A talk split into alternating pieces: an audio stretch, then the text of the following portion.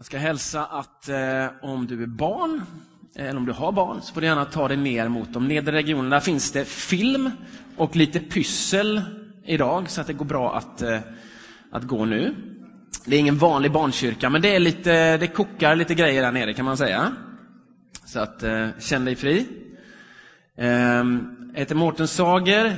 Jag är pastor här tillsammans med Joakim och Ingmar. Och eh, vi ska läsa denna morgon från Romarbrevet 9. Vi ska stå upp när vi gör det. Och så kommer det upp på skärmen här att det är sidan 809. Är du där hemma eh, och lyssnar på detta så är det Romarbrevet 9, 1-29. Som jag läser.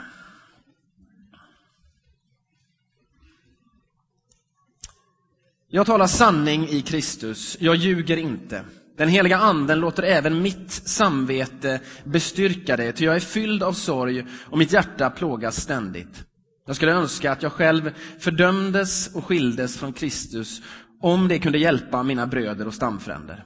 De är ju israeliterna som har fått söners rätt, härligheten, förbunden, lagen, gudstjänsten och löftena. De har fäderna och från dem kommer Kristus som människa, han som är över allting. Gud välsignad i evighet. Amen. Det är inte så att Guds ord har visat sig felaktigt. Ty Israel är inte alla som kommer från Israel och inte heller är alla Abrahams efterkommande hans barn. Det heter ju det är Isaks ättlingar som ska föra ditt namn vidare. Det vill säga, inte alla de barn som han blev upphov till är barn som Gud har gett honom. Det är löftets barn som räknas som hans efterkommande. Ty detta ord var ett löfte. Jag kommer tillbaka nästa år vid den här tiden och då ska Sara ha en son. Likadant var det när Rebecka hade blivit havande med två barn genom en och samma man, vår fader Isak. Innan de var födda och hunnit göra vare sig gott eller ont. Guds beslut att välja fritt skulle stå fast och gärningar ingenting betyda, endast han själv, han som kallar. Redan, redan då fick hon höra orden, den äldre ska tjäna den yngre. Det är också skrivet, jag älskade Jakob men hatade Esau. Vad innebär nu detta? Kan Gud göra orätt? Naturligtvis inte. Han säger ju till Mose, jag ska förbarma mig över vem jag vill och vara barmhärtig mot vem jag vill. Alltså kommer det inte an på människans vilja eller strävanden, utan på Guds förbarmande. Skriften säger ju till farao, det var därför jag upphöjde dig, för att jag skulle visa min makt på dig och för att mitt namn skulle förkunnas över hela jorden. Så förbarmar han sig över vem han vill och förhärdar vem han vill. Nu säger någon, varför fortsätter han att förebrå oss? Ingen kan ju göra motstånd mot hans vilja. Men tror du, stackars människa, att du kan göra invändningar mot Gud? Kan det formade säga till formaren, varför gjorde du mig sådan? Bestämmer inte krukmakaren över sin lera så att han av en och samma klump kan göra både ett fint kärl och ett som inte är så fint? Kanske har Gud, för att visa sin vrede och göra sin makt känd, länge sparat de kärl som han har gjort för att förstöra i sin vrede. Och kanske ville han göra hela sin härlighet känd genom de kärl som han har bestämt till att förhärligas genom hans barmhärtighet. Till att vara sådana har han kallat oss, vare sig vi är judar eller hedningar. Så heter det också hos Hosea. Det folk som inte var mitt ska jag kalla mitt folk, och henne som inte var älskad ska jag kalla min älskade. Och på den plats där det sades till dem, ni är inte mitt folk, där ska de kallas den levande Gudens söner. Och Jesaja utropar om Israel, om en Israels söner är talrika som havets sand ska bara en rest bli räddad. Snabbt och slutgiltigt ska Herren hålla räkenskap på jorden. Likaså har Jesaja sagt, hade inte Herren Sebaot sparat några av våra efterkommande, då hade vi blivit som Sodom, Gomorra skulle vi likna. Tack. Amen.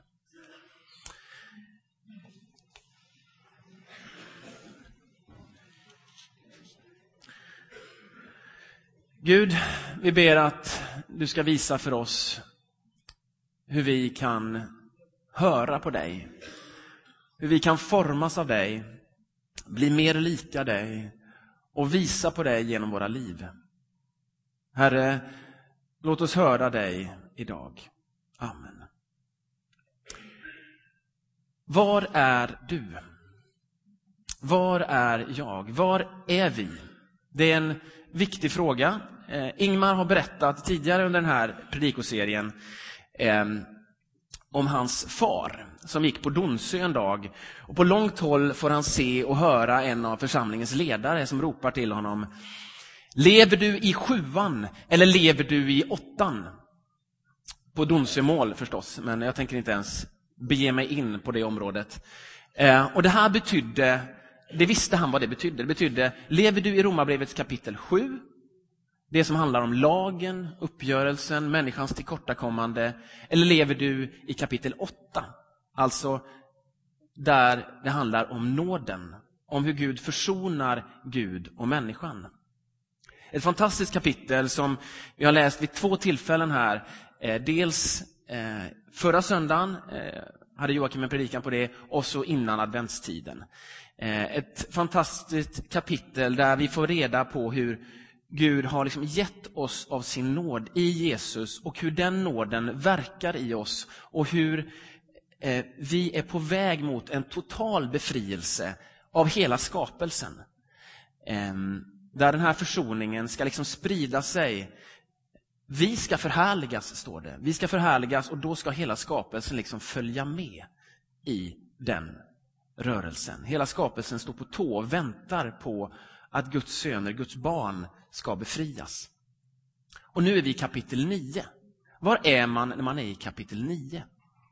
Ja, då har man varit i kapitel 8.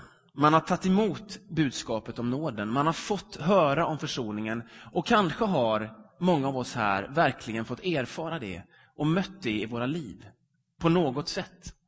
Kanske på ett läger, kanske i vuxen ålder i en gudstjänst eller på en alfakurs. Kanske händer det dig varje vecka att du erfar nåden i ditt liv. Kapitel 8, försoningen, kraften, att vi är på väg mot en befrielse en förnyelse av hela skapelsen. Och då har du varit i kapitel 8.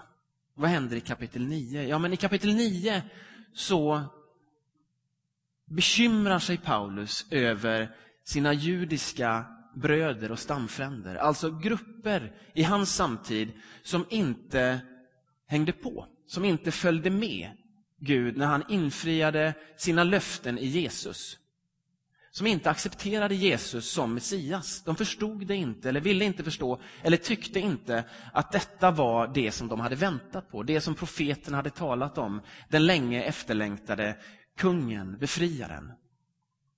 Och så bekymrar han sig över att de som har fått så mycket, de som har fått söners rätt, härligheten, förbunden, lagen, gudstjänsten, de som har fått löftena och så vidare. Alltså de har fått så mycket varför följer de inte med?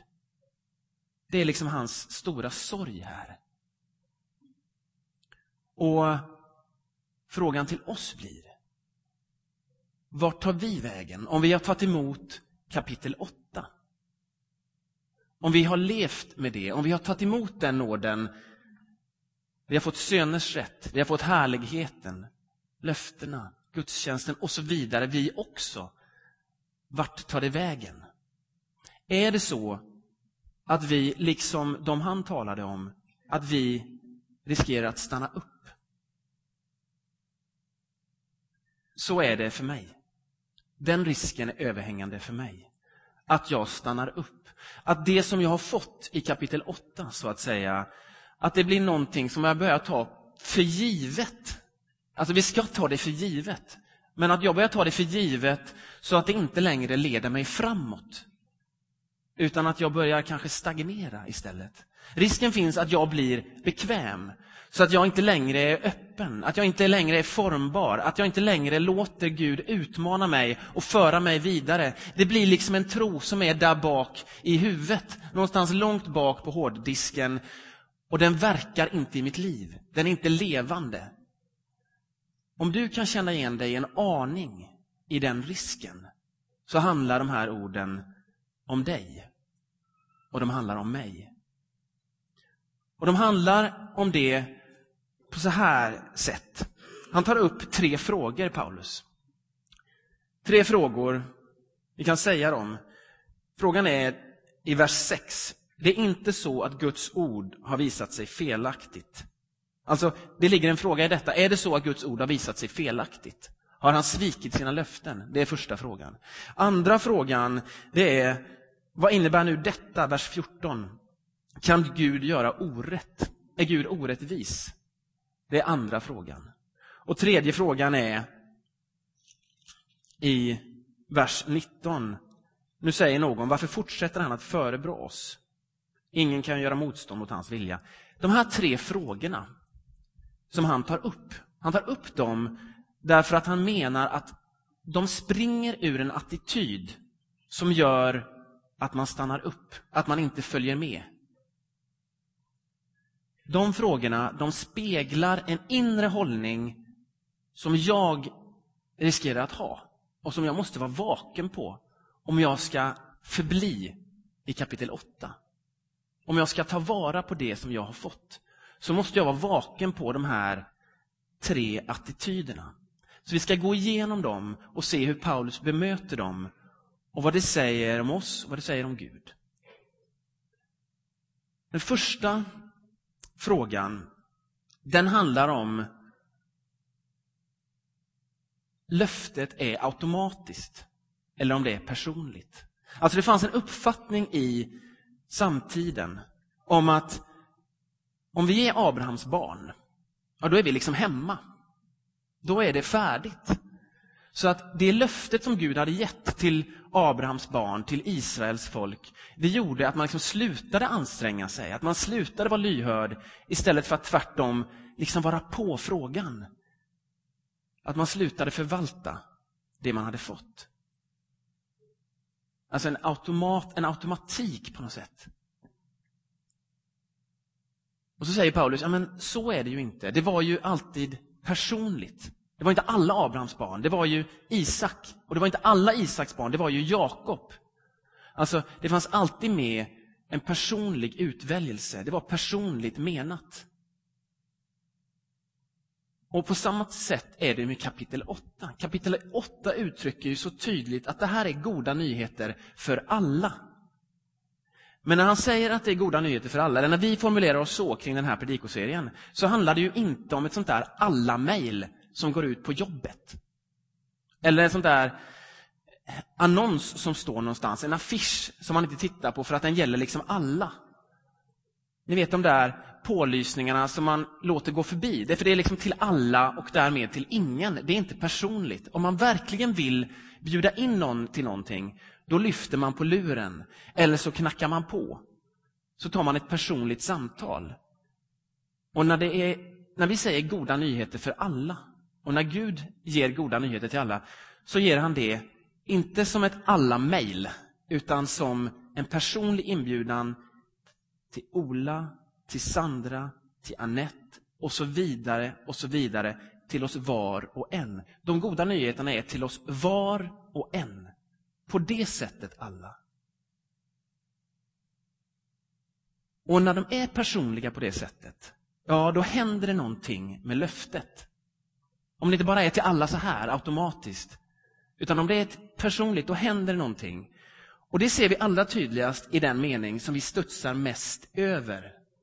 Vers 13. Det är också skrivet, jag älskade Jakob men hatade Esau. Och det är jobbigt va? Alltså en favoriserande Gud, det känns inte så fräscht. Om man säger så. Men Paulus är lurig. När han fogar in citat så här så gör han det ofta. Ibland får jag en känsla av att han vill att vi ska haja till. Och så finns det en undermening, det är liksom toppen på ett isberg. Och isberget här, det är ju Malaki som han hämtar det här citatet ifrån. Malaki, den sista profeten i Gamla Testamentet, som gör en rasande uppgörelse med Jakobs folk, det vill säga Israel. Det är samma sak. Han säger, jag älskade ju dig. Gud utvalde ju dig. Vad har det blivit av det? Du fick ju ett personligt löfte. Vad har det blivit av det? Du blev ju personligt tilltalad. Det var inte ett alla-mejl. det här var personligt till dig. Vad blev det av det? Alltså när man har fått mycket, när man blivit personligt tilltalad, ja, då följer det en, det följer en förväntan på det. Det följer ju en möjlighet att förvalta det, att sätta det i rörelse. Det är inte automatiskt, det är personligt. Och faktiskt också, på något sätt, missförstå mig rätt, men det är förpliktigande. Vi har en möjlighet att föra någonting vidare. Hur undviker man den här inre attityden? För det är lätt hänt. När man har fått höra goda nyheter för alla, då är det lätt hänt att det blir ett massutskick av det och så försvinner jag i mängden. Och så gömmer jag mig, att jag är benådad, jag är befriad, jag är förlåten. Och så fortsätter jag bara leva precis som om ingenting har hänt. Hur får jag löftet att bli personligt och inte automatiskt? Jo, jag blir personlig själv. Och Det låter kanske självklart, det är klart man är personlig. Men för mig är det inte personligt. Vad menar, vad menar jag när jag säger att bli personlig? Jo, att bli personlig, det är att öppna sitt liv till någon annan människa, till några andra människor och hantera riktigt djupa frågor. Frågor som berör mig. Var har jag, var har det gått nu? Var är det gott nu? Var gör det ont nu? Och var utmanar Gud mig just nu? Var utmanar Bibeln mig just nu? Alltså, de frågorna, det kan ju gå veckor utan att man ställer dem. Eller att man funderar på dem. Så opersonliga kan vi bli. Det kanske inte gäller för er, men så, så är det för mig. Så för mig så är det livsviktigt för att löftet ska vara personligt till mig, att jag blir så personlig med några andra människor. För när jag blir det, när jag börjar liksom se mitt liv i ljuset av Guds löften, i ljuset av Bibeln som Peter var inne på här, i ljuset av bön, ja, då blir löftet personligt till mig. Då blir jag personlig, då blir Gud personlig med mig. Och därför så vill vi skapa sådana sammanhang i den här kyrkan. Vill du hämta ett glas vatten till mig? En mugg vatten. Ja, det börjar... Eh, skapa sådana sammanhang. Vi kallar det för husgrupper. Och tanken är att i de här husgrupperna så lägger man liksom in en, man lägger in att det ska hända. Och det händer inte, förstås händer det inte i, i alla husgrupper. Eh, alltså alla våra gemenskaper är inte perfekta och eh, jag har varit med i husgrupper där man eh, fikar mer än blir personlig. Men tanken är den. Tanken är att det ska bli personligt. Så om du känner att men jag, jag vill inte att det ska bli så här. Jag vill inte att det ska bli ett automatiskt löfte, utan ett personligt löfte. Så tala med mig, eller tala till exempel med Andreas Lundell. Han sitter där nere på en, två, tre, fyra, femte bänken. Han räcker upp handen där. Precis. Han håller på att starta en husgrupp därför att han just har kommit till det här läget, om jag får tala för dig. Att han vill att det ska bli personligt. Han vill inte att det ska vara något automatiskt där borta, liksom, som ligger längst bak i hårddisken. Utan att det ska bli på riktigt. Ja, det är den första eh, attityden. Den andra frågan och attityden, det är ju, vad innebär nu detta? Kan Gud göra orätt i vers 14? Är Gud orättvis? Och det handlar om att vi har förfärligt lätt ibland att hävda en slags rättvisa gentemot Gud. Att kräva Guds nåd som rättighet. Alltså om man har levt i kapitel 8 och fått det till sig, och man kanske har levt där ganska länge, och man kanske till och med har växt upp med det, då kan det lätt bli så att det här är ju min rättighet. Det här är ju självklart, så här ska det ju vara. Och när jag upplever någonting som inte stämmer med det, och jag tycker att Gud inte riktigt responderar som han borde, Nåden har liksom, den verkar ha försvunnit, känslan är inte där. Det är liksom inte så som jag har tänkt mig längre. Då blir jag arg på Gud. Alltså då börjar jag ställa krav. För jag får inte det jag har rätt till. Men det är klurigt att kräva sin rätt i förhållande till Gud. Alltså det är klurigt att bygga sin relation till Gud på rättvisa. Det är egentligen klurigt i alla relationer att bygga på rättvisa. Det finns ett avsnitt i den här tv-serien Solsidan, om ni har sett den. Eh, och Det var för rätt länge sedan, men där de införde en valuta i sin familj för att liksom styra upp det så att det skulle bli rättvist. Så att inte någon passade barnen mer än någon annan eller någon tapetserade mer än någon annan, utan att det skulle vara rättvist i familjen. Så man införde en valuta som man kallade för escados. För att det skulle bli helt rättvist. Och, och det är inte en fantasi, utan det här finns. Och jag själv är, jag ska inte säga att vi har använt uscadus hemma, men det blir väldigt lätt så att man börjar räkna kvällar och timmar för att det ska bli rättvist.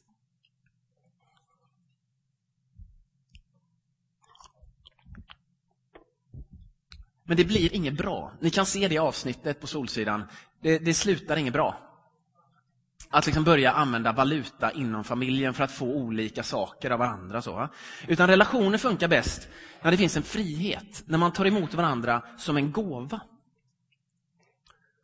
Eh, och Det här gäller ganska, alltså det gäller ganska mycket relationer. Alltså när, vi märker, alltså när vi märker att vi har börjat ställa krav på varandra, då ska man, då ska man börja bli vaksam. Man ska börja liksom, titta igenom vad man förväntar sig av den andra. Rättvisa kommer från Gud. Rättvisa är av Gud. Så mycket av den rättvisa som vi framgångsrikt, vi och vi, men i det här samhället har genomfört, den flödar ur Bibeln. Behandla alla lika, säger Paulus. Rättvisa är guld värt. Men när vi börjar använda rättvisan i förhållande till Gud, i den relationen, ja, då händer det något, då händer något klurigt. Och det syns i Paulus svar här. Ett svar som är lite sådär, goddag yxskaft. Goddag yxskaft. Vad innebär nu detta? Kan Gud göra orätt? Vers 14. Naturligtvis inte. Han säger ju till Mose, jag skall förbarma mig över vem jag vill och vara barmhärtig mot vem jag vill. Är Gud orättvis? Nej då, han förbarmar sig över vem man vill. Det är någon som hör en, en liksom, goddag yxskaft. Det som händer här är att Paulus återigen, han plockar in ett citat och så säger han, ger han en hel verklighet som bryter mot den verklighet som kommer från den som frågar. Därför om jag frågar, men är Gud då inte orättvis? Då säger han, nej då. Och så plockar han fram den här episoden som det här citatet kommer ifrån. Vad är det som har hänt här? Jo, Moses har gått iväg upp på berget Sinai för att få ord från Gud, stentavlor med Guds bud. Men folket blir otåliga, de gör en egen gud och börjar dansa kring guldkalven. Så när han kommer tillbaka, då håller de på med ett helt annat projekt. De har vikit av helt från Guds väg. Han blir vansinnig förstås, och Moses blir vansinnig, slår sönder stentavlorna. Och frågan är, vad ska hända med Guds folk? Ska, ska, ska, ska de skiljas åt här? Och så bönar Moses om att, kan du inte fortsätta med oss? Och så säger Gud, jag gör det. Jag fortsätter med er. Därför att jag kan nämligen visa barmhärtighet mot vem jag vill. Jag kan förbarma mig över vem jag vill. Det ligger helt hos mig.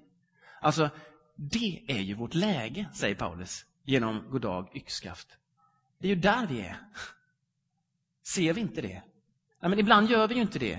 Ibland tror vi ju att vi har rätt till allt detta, men det har vi ju inte. Inte jag i alla fall. Därför att om jag blir ärlig med mitt liv så ser jag att jag inte är värd det. Jag har inte förtjänat nåden i kapitel 8. Det är det som är hela poängen med kapitel 8. Att vi inte har förtjänat det, men att det ges oss ändå.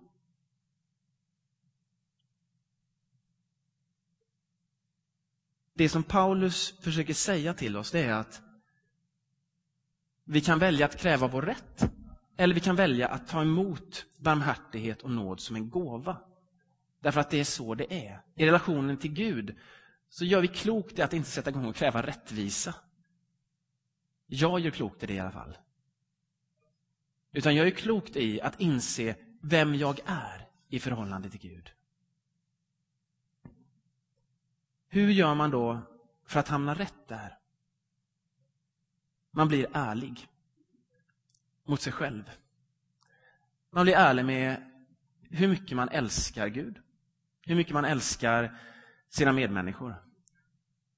Och Det kräver att man stannar upp. Det kräver kanske att man talar med någon annan och börjar nysta i varför man säger så tokiga saker ibland, eller väljer så tokigt, eller gör så tokigt mot någon annan.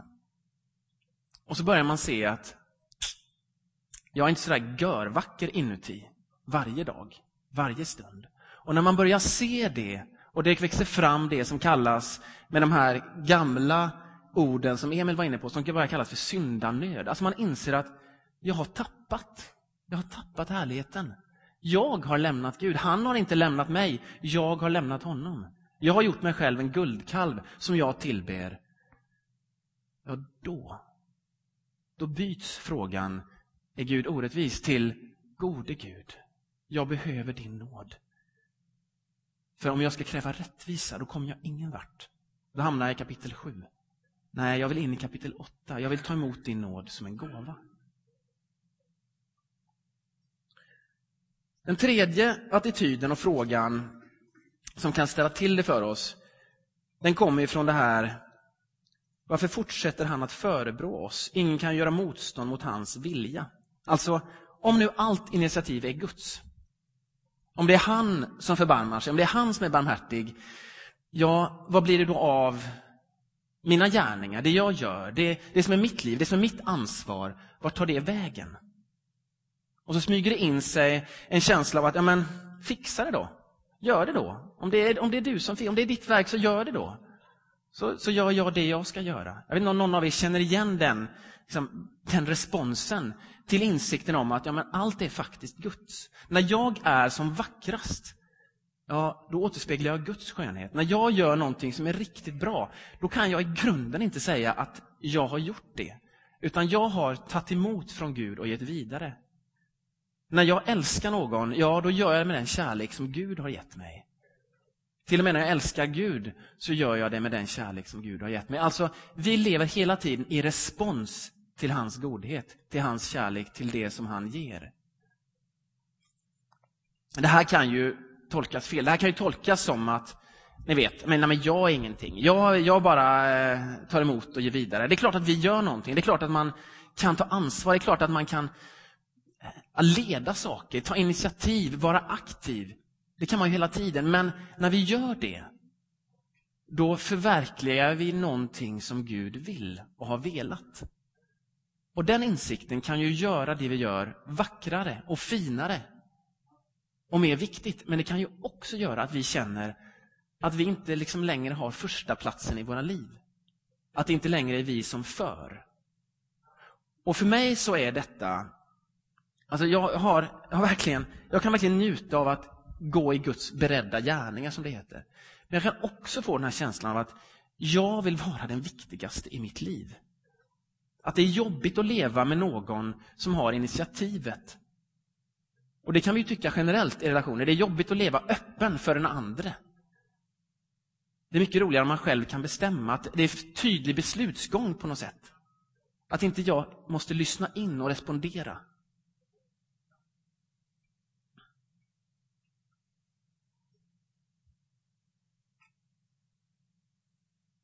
Och så använder Paulus den här bilden av krukmakaren.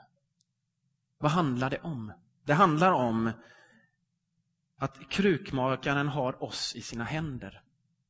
Återigen en bild från Jeremia, från Gamla Testamentet, där Jeremia går ner till krukmakaren för att få reda på vad Gud vill säga. Och så säger, säger Gud, gå ner till krukmakaren och så ser Jeremia krukmakaren jobba med, med kärlet, med leret.